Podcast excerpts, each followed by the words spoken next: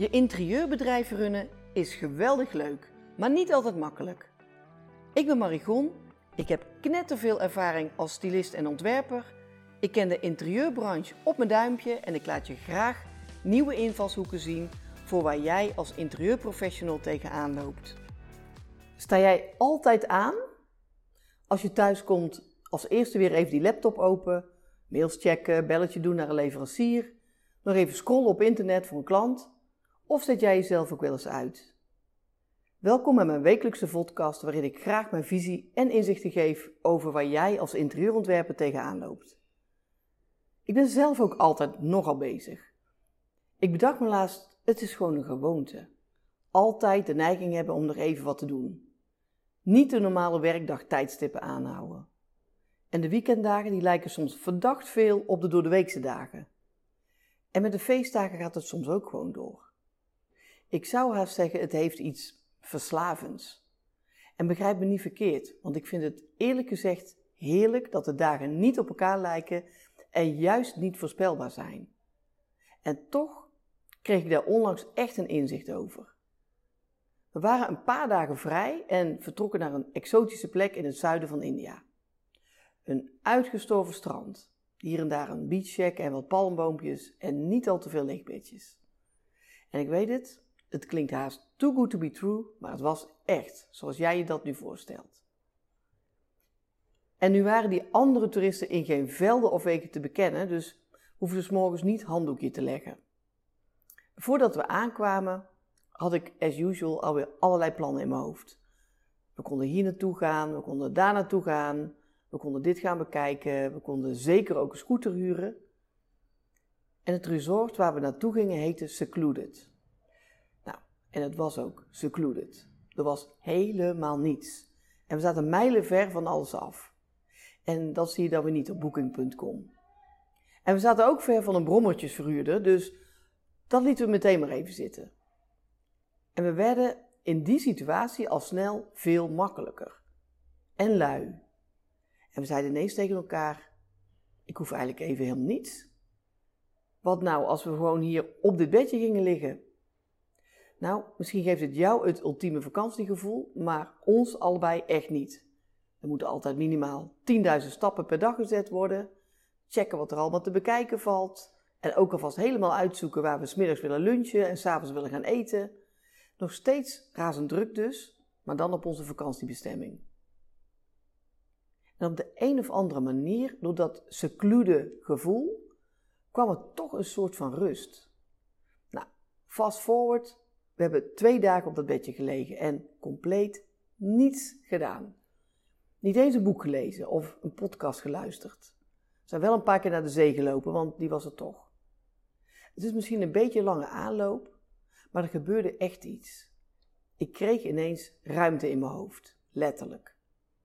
De lijstjes die er normaal in zaten, die waren er even niet. Er kwamen nieuwe ideeën binnen en ik kon veel beter reflecteren op de afgelopen periode. En ik voelde ineens ook weer dat van alles mogelijk is. En ik kreeg ook echt een paar keer een flashback van toen ik nog een kind was. De zondagen waren bij ons thuis ronduit saai. Tenminste, zo heb ik dat als kind ervaren.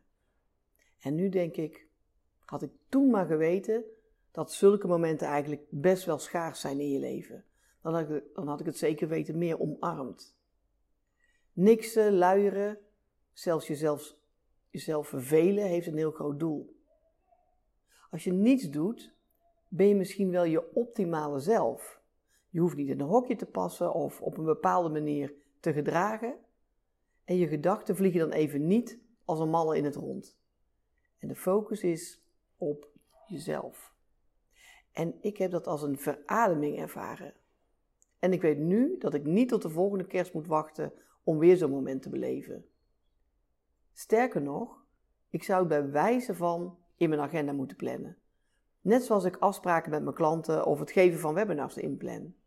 En dat is nog wel een spannende, maar ik heb nu wel ervaren wat die twee dagen op dat strandbedje me hebben opgeleverd. En hoe zit dat bij jou? Is dit voor jou allemaal al lang gesneden koek? Lekker niks zit bij jou gewoon verweven in je lifestyle? Of herken jij die situatie dat je altijd maar doorrent en doorvliegt en eigenlijk nergens tijd voor hebt? Laat staan voor jezelf. En je hersenen zijn je eeuwig dankbaar als je je zo nu en dan eens stierlijk verveelt. Want ze krijgen constant prikkels van jou om van alles te doen. En ze doen dat ook nog eens braaf. Als jij aan het lummelen bent, is het me-time voor je hersenen. Ze halen de bezem door je hoofd en ruimen de boel eens even flink op. En ze kunnen dan ook eventjes achteroverleunen. En misschien voelt vervelen een beetje ongemakkelijk voor je.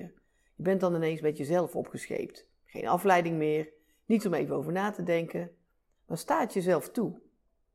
Het meest belangrijke gevolg van vervelen is dat je creativiteit een enorme boost krijgt.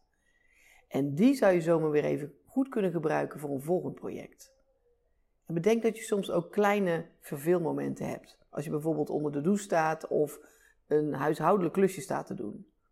Dan vliegen de ideeën voor je projecten gewoon zo je hoofd in. En van wetenschappers is bekend dat de grootste doorbraken kwamen op het moment dat ze niet gefocust waren op het oplossen van een probleem. En even terug naar ons.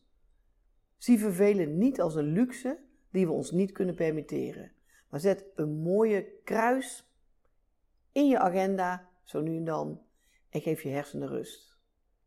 En dat is natuurlijk ideaal op zo'n strandbedje als waar ik op lag. Maar het mooie is, dit kan gewoon bij je thuis. Als, het, als je het jezelf toestaat, is de kans ook veel kleiner dat je op een burn-out afstevend. Waar loop jij tegenaan als interieurontwerper? Wat vind je lastig of wat krijg je maar niet voor elkaar? Zet het in de comments en ik maak er met liefde een volgende podcast over.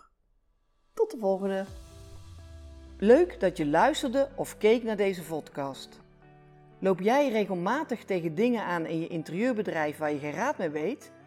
Ik kijk graag met je mee en zoom in en uit op jouw bedrijf. Ik zie razendsnel welke winstkansen er voor jouw interieurbedrijf zijn. Ga naar marie-gon.com, start simpel met het invullen van de vragenlijst op mijn coachingspagina en ik neem heel gauw contact met je op.